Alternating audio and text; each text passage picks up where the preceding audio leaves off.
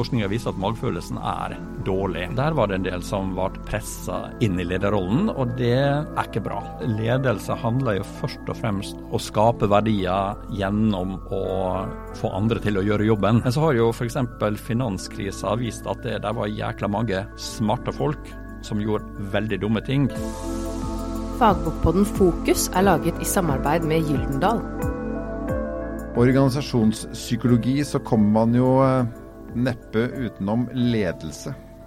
Og tradisjonelt sett, Jonas Våg, Mm. så er det gjerne den flinkeste i butikken. Flinkeste snekkeren, flinkeste saksbehandleren, flinkeste et eller annet. Som får gleden av å bli sjef. Ja. Og hva skjer da? Nei, det, det er jo ofte sånn at man kanskje da en- ender opp i en situasjon, en posisjon som man kanskje ikke ønska seg. Eh, Men siden man var den eh, besten på akkurat det bedriften hadde som hovedgeskjeft, så, eh, så, så oppleves det kanskje som naturlig at man skal inn i den posisjonen. Og så er det spørsmålet om hvorvidt den personen hadde hatt det bedre med å da fortsette å være god på det man da var god på. Mestringsområdet sitt. Ja. Ja. Fremfor å lære seg eh, helt nye type utfordringer, f.eks. det å håndtere en gruppe. da. Da syns jeg vi skal dra inn eh, Per Straumsheim, som er, som er spesialrådgiver i Norsk eh, psykologforening, og som har jobbet med, med mye av disse tingene. Eh, hva tenker du når Jonas sier det? At du, du er best på et fagområde, du er i ditt mestringsområde. Du Ja. har, her, er du, her er du stjerna, og så Ja. plutselig så er du sjefen. Det som er fordelen med det, er jo at du har legitimitet på fagområdet. Og det kan jo være veldig viktig overfor de du skal lede. Men, men det krever helt andre sånn mellommenneskelige ferdigheter Ja. for å være god som leder. Du må løfte blikket fra det praktiske problemløsninga til andre typer problemløsning. F.eks. konflikter, sette mål, øh, utvikle medarbeidere osv. Ja, Vi fyller jo gjerne en hel regjering med ministre som ikke har filla peiling på hva de egentlig skal, skal regjere over. Nei, det er sant. Men så, så gir du dem egentlig litt forsvar, at de kan være gode til å være ledere på områder, selv om de ikke kan all verden om dem. Ja, for det, ledelse handler jo først og fremst å få å skape verdier gjennom å få andre til å gjøre jobben på en god måte. Og da kan du ikke selv være ekspert på alle de områdene som en komplisert lederjobb mm. vil eh, innbefatte. Så det handler om hvordan en velger ut ledere, i bunn og grunn. Ja, og, og så er det jo som uh, du sier at, at uh, altså legitimiteten har jo stor betydning. sant? Altså selv om du, altså Hvis du da er en leder med, med gode ferdigheter på det le- bedriften holder på med, så, så kan du også eh, kan du også da gjennom legitimitet eh, skape en kultur hvor resten av organisasjonen tar litt ansvar for de oppgavene egentlig lederen var satt til. Eh, sånn at du, du får egentlig distribuert ledelse utover, utover, utover i organisasjonen, utover blant de ulike ansatte. Ved at det på en måte er en av oss som leder. Ja, Ja. Så at, eh, sånn at eh, det handler mye om hvor, hvor, hvor høy tillit gruppa har til deg som leder, og om hvorvidt hvor mye goodwill du blir gitt da, som leder. Mm. så, og det, det handler litt om inngruppe-utgruppe-dynamikk. Altså hvis du, hvis du fortsatt oppleves eh, som en del av gruppa, eh, men som en person som det er greit å følge, så vil du også da eh, vil også da gruppa vise mer goodwill til lederen. Ja, og så tenker jeg at det er også viktig at du da som nyslått leder har tillit til de andre fagekspertene. Eh, og ikke må kontrollere detaljer i, i, i arbeidet, men kan, kan delegere og kanskje da noen ganger bli brukt som rådgiver for disse faglige spørsmålene på jobben. Men uh, av ledere generelt, hvor mange er det, tror dere, sånn i prosent, som føler at de på en måte er dumpa inn i en lederposisjon, kontra de som på en måte har utviklet dette og naturlig latt det gro på seg? Hvor vanlig er det at liksom en leder ikke egentlig er det, da? Jeg måtte ta den jobben, liksom. Generelt så har ikke jeg peiling på hvor mange, men jeg vet fra en undersøkelse vi gjorde med psykologer som uh, ble ledere, at det var i hvert fall en del som følte seg tvunget inn i, en lederrolle. Fordi de var psykologspesialister, de hadde mest kompetanse. OK, da bør du ta en lederrolle. Mm. Og Der var det en del som ble uh, pressa inn i, inn i lederrollen, og det er ikke bra. Nei. Det er ikke bra for å skal, utvikle seg som leder. Men, men, det å si at jeg har lyst til å være leder, er også litt unorsk. Det er litt sånn mm. at Jeg har lyst til å være sjefen her. Det er, det, det er liksom ikke helt innafor å si eh, i vår kultur. Så litt til den kulturen. altså Vi har en ganske flat struktur i Norge. Vi mm. liker sjefer som altså Det å kjøre sjefen til jobben i limousin med privatsjåfør i Norge, det, er, det, gjør, det, gjør, du bare ikke. Det er, det er, ikke kult, liksom. Kommer du til Tyskland, så er det superstas. Mm. Eh, hva er typisk for, for norske ledere? Jeg, jeg, tror du er inne på noe. at uh, hvis, hvis, en har gått ut høyt og sagt at jeg har lyst til å være leder, ja. spesielt hvis den personen jobber da i den, en avdeling, så vet jeg ikke om vedkommende ville fått så mye rom for, fra resten av gruppa nødvendigvis. Altså, da, Nei, men Hvis det er en kvalifikasjon og har lyst, så må man bare ikke si det, da. Jo, altså eh, det, det, er jo en, det en positiv ting å ha en motivasjon for å være leder. Ja. Uh, så, så det, det, vil jeg si. Og, og, og det er også det å ta det ansvaret. Uh, det er å, å, ta en lederposisjon. Mm. Så, sånn, så, det er jo litt sånn et, et, en sannhet med modifikasjoner. Det om hvorvidt eh, vi rynker på nesen av personer som ville ha sagt at de kunne ha tenkt seg å være leder.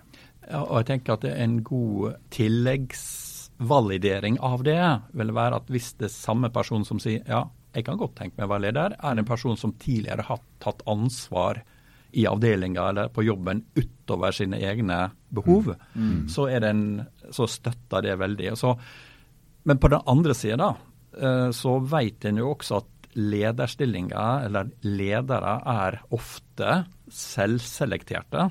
Altså, De har lyst til å lede, de vil lede, og så vet de nødvendigvis ikke hvor gode kvalifikasjoner de har for å lede.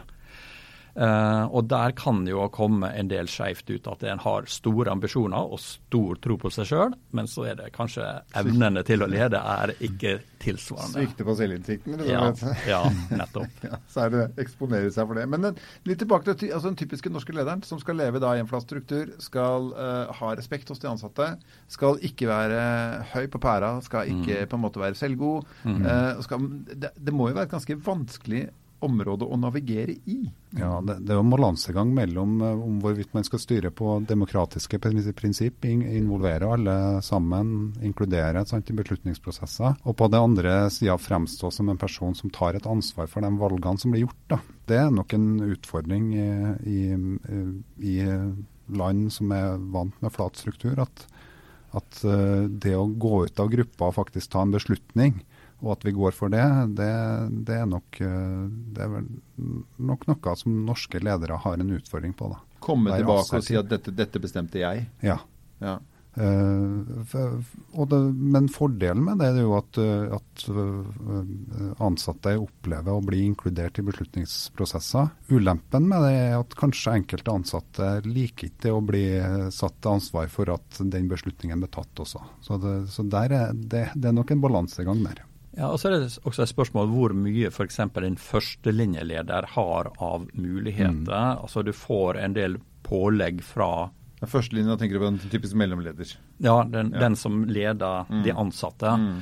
Uh, fordi den er ofte bundet av krav som kommer fra uh, en ledelse høyere opp. Og mm. sånn f.eks. innenfor uh, norsk helsevesen, psykisk helsevern, som som jeg kjenner litt til, så er det ofte rimelig stramme produksjonskrav og ting som gjør at det, lederen kanskje blir mer en administratør av krav.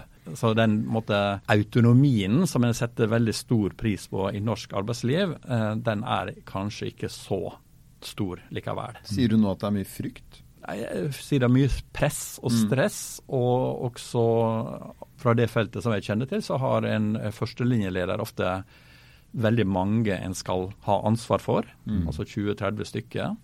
Eh, og det er ganske krevende da, å måtte omsette kravene fra toppledelse ut til noe som er forståelig for, uh, for medarbeidere. Mm. Men OK, Per Strømsheim. Hvis man tar en person i en avdeling, flinkeste på avdelingen, og sier at her har vi, et, her har vi nye sjefen. Mm. Eh, hvordan og kan man utvikle den personen til å bli en leder? Kan, altså, altså kan man tilføre dem, eller, eller må den personen ha egenskap altså, Hvor begynner vi? For ikke å gjøre feil fra toppen. da. Ja, altså Der er jo en del ting som kjennetegner god ledelse. Eh, hvis en kan ta utgangspunkt i det og se om denne personen kan mestre noe av det som kjennetegner god ledelse, så har en jo et godt utgangspunkt. Jeg kan jo gjerne nevne ja, nevn gjerne noen eksempler nå. Noen eksempler på det. Ja. Altså, Grovt sett så kan en skille ledelse i hvert fall inn i tre eller fire kategorier. Det ene er det en kaller på gammel som er kalt styring. Mm. Altså oppgaveorientert ledelse, som består i å klargjøre ting, sette mål, følge opp, løse problem. Det er typisk lederrollen sånn som den har blitt definert klassisk. Så har du det som går på å behandle medarbeidere, som blir kalt relasjonsorientert ledelse. Som er å støtte medarbeidere, utvikle medarbeidere, gi medarbeidere anerkjennelse og delegere, gi dem tillit. Og så I våre dager så er også det med endringsorientert ledelse eh, sentralt. Og det å se utfordringer og forklare sånn at eh, medarbeideren forstår at oi, vi må gjøre noe her. Lage en visjon for det. Fremme læring. Og så er det også det en kaller ytreorientert. En må følge med i timen mm. på ytre muligheter, trusler, marked etc. Og en må også kunne representere. Så, så, så, det er på en måte det en måte skal gjøre hvis en skal lede effektivt. Men før en kommer så langt, så tror jeg at en bør tenke på hvem skal vi velge av de gode ekspertene vi har. Hvem skal vi velge?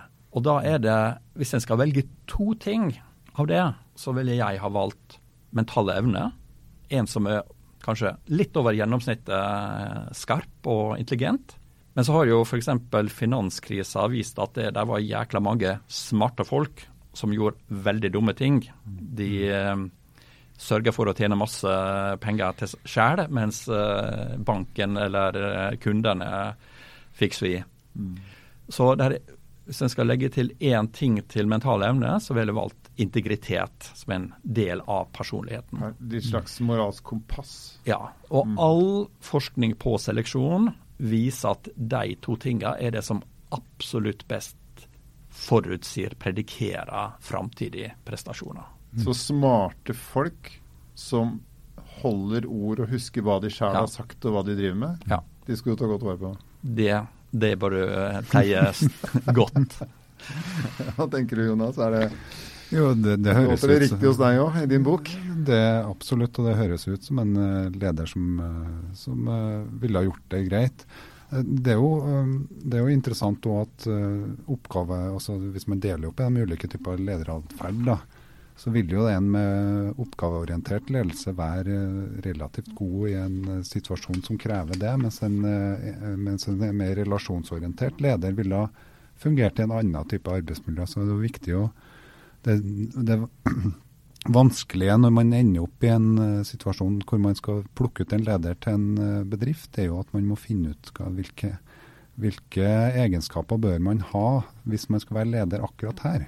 Mm. Ja, og Derfor er jo mentale evner er jo på en måte et generelt, uh, en, en, generell evne som kan være fleksibel på tvers av situasjoner. og Derfor at den viser seg å være god på tvers av situasjoner. Er en ledelse avhengig av å finne en, den rette personen, eller kan det oppstå lederskikkelse ut av sosialt, en sosial konstellasjon? At noen på en måte ønsker en person som kanskje ikke nødvendigvis passer? Da? Ja, altså, Gamle arbeiderforkjempere, liksom? Bare grodde opp av ingenting? Jeg tror det er um, at folk som viser å ta ansvar uh, i, i ei gruppe, uh, og som, uh, ja, som, som, tar et ansvar utover sine egne behov og sine egne oppgaver, uh, tenker jeg er et godt kriterium for at uh, de, kan, de, kan, fungere bra som en leder senere. Sånne kan andre samle seg rundt? Ja. Mm. F.eks. hvis du tar et, eh, et fotballag, da, så når du da er fotballtrener til unger. Jeg, jeg driver jo og ser etter hvem er, hvem er det fremtidige kapteintalentet her? Mm. Hvem er det som naturlig tar et ansvar med å si, med å si til de andre på banen nå står det feil? Eller gi ros når, når ros skal gis, eller klappe på skuldra hvis man har skutt utafor mål. Mm. Uh, så i en gruppedynamikk så fremstår jo gode lederegenskaper hos dem som naturlig da, av en gruppe blir plukka ut til å være den som har betydning, samtidig som en sjøl velger å ta det ansvaret eller ikke. Det er jo også noen dårlige måter å gjøre å selektere og velge ut både ansatte og ledere på. og Det ene er magefølelse. At du kjenner, noen kjenner at oi, denne blir sikkert en god leder. For der er du også inne i dette at ledelse, ledere er ofte selvselekterte. De er veldig flinke til å promotere seg selv som den riktige personen, mens viser forskninga viser at magefølelsen er dårlig. Såkalte 360 graders lederevalueringer kan være et veldig bra verktøy, for da får du et bilde på hvordan personen vurderer seg selv opp mot ens egen leder, sine kollegaer og sine ansatte. Et dårlig utfall vil være at en selv evaluerer seg veldig høyt, mens de andre vurderer en lavt. Da mm. har en en overdreven tro på egne, egne ferdigheter. og et veldig dårlig utgangspunkt for videreutvikling. Mm. Mens hvis det er en mer realistisk, mer et samsvar, og, og enda til at det, en evaluerer seg selv litt lavt, og de andre vurderer en høyt, er faktisk gode utgangspunkt for utvikling. Du har hørt fagbokpodden Fokus, som er laget i samarbeid med Gyllendal.